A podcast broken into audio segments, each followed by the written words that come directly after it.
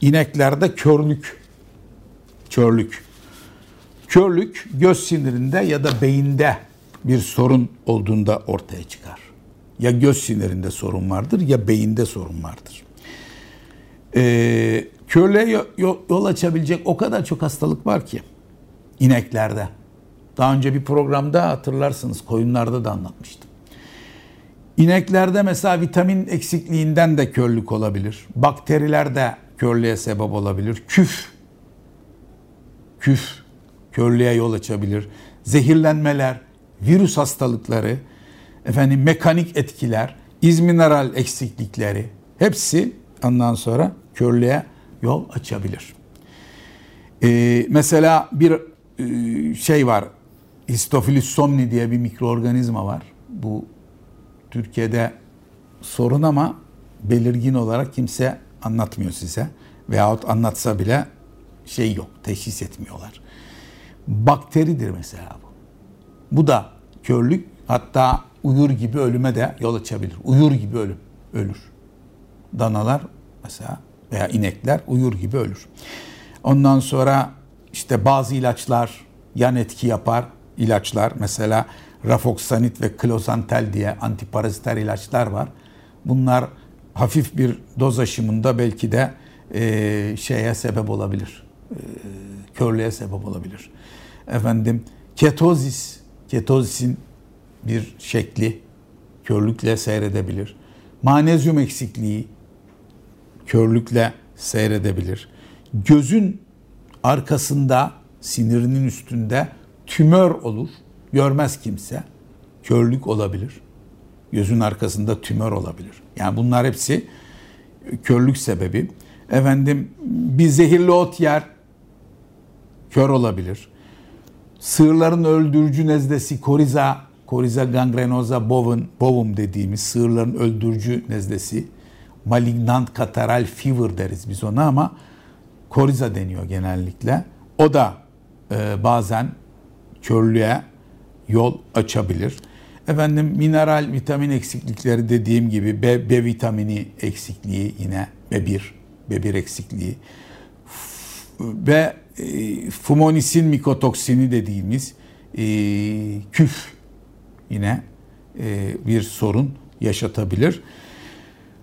Bunlarda da size önerim öncelikle koruyucu hekimlik yapılması. Koruyucu hekimlikte de e, bir kere vitamin mineral kombinasyonlarını doğru olarak kullanma, e, aşısı olan hastalıkları aşılarını yapmak. Ne demiştik? Mesela virüsler yapabilir dedik. Virüslerden ne var? Mesela IBR, IPV virüsü, IBR, IBR veya IPV, enfeksiyöz pustüler vulvovaginitis virüsü. Bunlar ikisi kombine bir hastalık. İBV, IPV virüsü bunun aşısı olur, aşısını yaparsınız. Bu da bir körlük sebebi olabiliyor. Efendim e, bozuk silaj vermemek. Mesela listeriozis var. Bozuk silajda bozuk silaj vermemek. Gider kör gibi kafasını bir yere dayar. Bozuk silaj vermemek. Fabrika atıklarını verirken aşırıya kaçmamak. Kuru dönemde inekleri doğru beslemek. Döndük gene kuru dönem söylüyoruz. İz mineralleri yemlere katarak ya da serbest olarak vermek suretiyle iz mineral almalarını sağlamak alınabilecek önlemlerin bazılarıdır. Evet bakın bir körlük diyorsunuz neler çıkıyor. Bir tane sebebi yok. Bizde genel inanış şu bir hastalığın bir sebebi vardır, onun da bir tane tedavisi vardır gibi görülüyor. Öyle değil. Körlük bakın deminden beri sayıyoruz. Ben bunları da alt alta yazdığım zaman 16 tane hastalık çıktı. İneklerde körlükle e, ortaya çıkabilecek 16 ayrı hastalık çıktı. O zaman ne yapacağız? Başka belirtileri de hesaba katacağız. Körlük bir başına değildir. Başka belirtiler de yan yana gelmiştir. Onları da aşağı doğru sıralayacağız körlüklerde. Ve diyeceğiz ki ha bak bunda bu yok, bunda bu var, bunda bu var. Buna ne demiştik? Hatırlayın. Ayırıcı tanı. Ayırıcı tanı yapacağız. Onu biz yaparız. Veteriner hekimler yapabilir. Onun için vakit kaybetmeyin. Doğru olarak teşhis koymaya çalışalım. Doğru teşhis koyalım. Bunlara eğer ayırıcı tanıya gitmezsek Bir yere takılır gideriz oradan da hayvan da gider. Bizde öyle oluyor zaten. Bir yere takılıp gidiyorlar oradan da hayvan da gidiyor. Bir şey kalmıyor geriye. Vakti zamanında doğru teşhis koymak lazım. Burada e, 16 tane hastalığı önce 3'e 4'e sonraya 2'ye indirebiliriz. Sonra da bu mu bu mu bu mu bu mu derken eğer doğru teşhis koyamıyorsak ve zorlanıyorsak laboratuvar muayenelerine geçeriz. Öyle olur hastalık teşhisi. Yoksa bir hastalığın peşine takılıp yalan yanlış onunla ilgili uğraştı, uğraşırsak para, zaman ve hayvan kaybıyla sonuçlanabilir. Zaten genelde böyle sorunlarla e, yaşıyoruz. Evet. Bir e, konuya daha değinmek isterim. Yavrularda eklem yangıları. Bu yavruların eklem yangıları bana çok sorulan bir soru. Çünkü e, güzelim yavru bir süre sonra eklemleri şişmiş halde karşımıza geliyor. Bana resmini gönderiyorlar. Ben ne yapayım yani?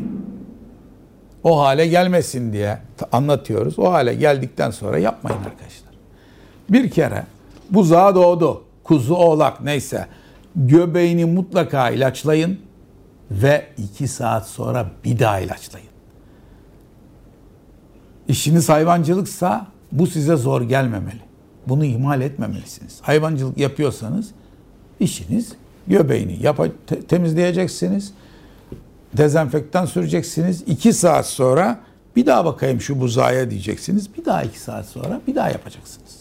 Bunu artık sistem yapın. Yaptınız. Antiserum yapın. Antiserum yapın. Koli mikrobu özellikle karşı ona karşı antiserum yapın. Ve bir tane eklem değil bazen birçok eklemi şiş halde buluyoruz. Biz buna poliartritis diyoruz. Bunların hepsi sizin hatanız arkadaşlar. Bunların birçoğu birçoğu göbekle ilgilidir. Göbekten girer ve gezer, ekleme gelir. Eklem çok karışık bir organ. Yani mafsal ekrem değil mi?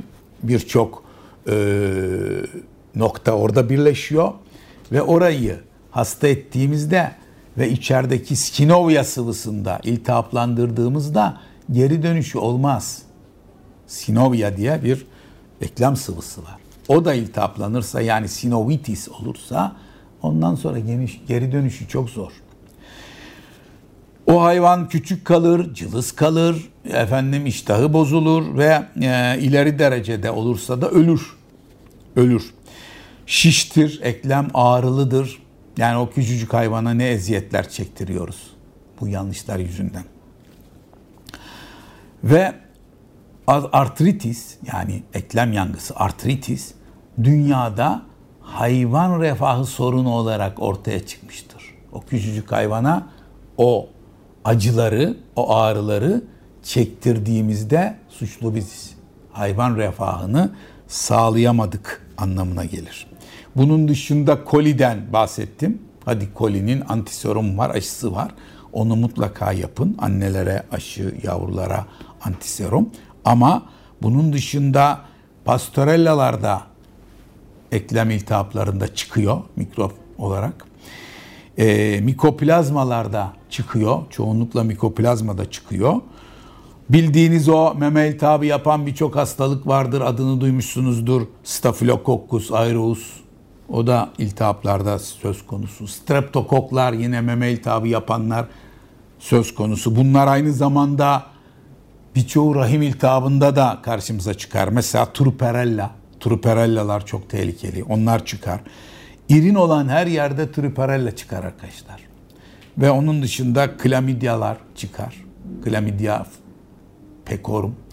Bakın bütün bunları, bütün bunları göz önüne alırsak bizim neye ihtiyacımız var? Koruyucu hekimliğe. Koruyucu hekimliğin ve sürü yönetiminin en iyisi nedir? Kuru ve temiz. Kuru ve temiz. Bir kere o hayvanların rahimlerinden özellikle etrafa saçılan o mikroplarla bu buzağların temas etmemesi lazım. Ama ne yapıyoruz? Buzağı annesinin yanında böyle duruyor. Hatta geçen gün bu buzağının e, üstüne bastı şey e, inek basmış.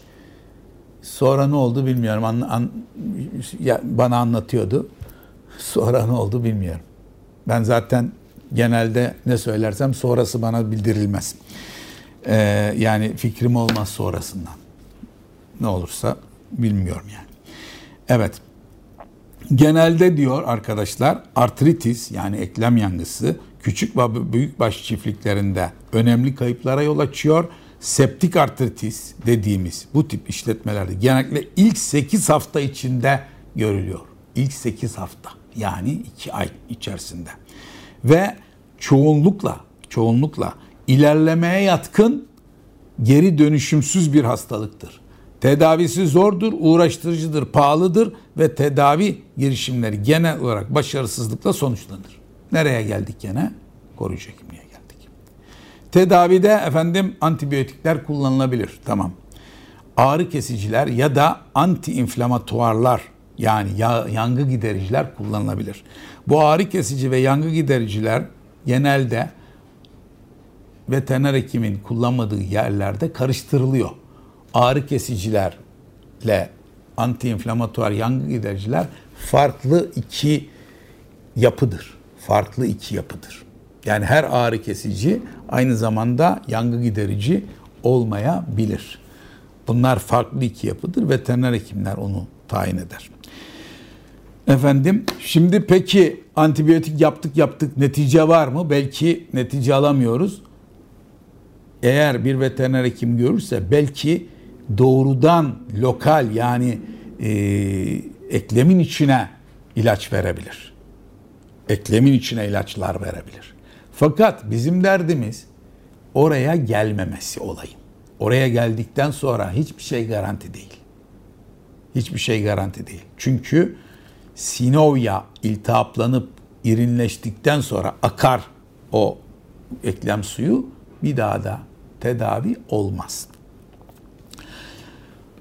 Doğum olduğunda yapılması gereken en önemli konu ağız sütünün normal olarak içirilmesi. Bu konuyu daha önce söylemişimdir, tekrar söylüyorum. Ağız sütünü içti mi, emdi mi falan değil. Bileceğiz kaç mililitre, kaç santilitre, kaç litre su, süt, ağız sütü içtiğini. Bilmiyor. Ben yine daha bugün daha hatta şey, ağız sütü içti mi emzirdik diyor arkadaşımız. Emzirdiğinde kaç mililitre emzi, emzirdi? Belli mi kaç mililitre emzirdiği biliyor muyuz? Doğar doğmaz 4 litre 12 saat içinde 8'e tamamlayın. Öneri bu. Hadi siz böyle yapamadınız. Bir 2 litre içirin. Sonra bir 2 2 saat sonra bir 2 litre daha, 2 saat sonra bir 2 litre daha, 2 saat sonra bir yani 12 saatte hiç olmazsa 8'e tamamlayın. Yani böyle böyle de tamamlayabilirsiniz ama 12 saat içinde. Ertesi gün değil. Ertesi güne savunma hücresi kalmıyor artık. Burada göbek çok önemli. Göbeği çok iyi de dezenfekte edeceğiz ve iyi bir doğum boksunda doğum yapmasını sağlayacağız. Pis bir yerde, ötekilerin yanında, ötekilerin efendim akıntılarıyla, pislikleriyle bilmem nesiyle beraber doğum yapmış bir buzağı belki de hasta olmaya aday bir buzağı olabilir. Hasta olur. Yapmayın. Evet. Doğuma 40 ve 20 gün kala rapelli yani iki enjeksiyon antiserum şey aşı yapın. Doğuma 40 ve 20 gün kala aşı yapın. Ve doğum sonrası an, e, antiserum uygulayın. Göbek kordonunun ilaç ilaçlanmasını kesinlikle kesinlikle ve kesinlikle ihmal etmeyin. Başınıza bir şey geliyorsa arkadaşlar sorun sizin e, hatanızdır. Evet değerli dostlarım bugünkü programımızda da burada son veriyoruz. Bundan sonraki programlarda yine e, buluşmak dileğiyle hepinize hoşça kalın diyorum.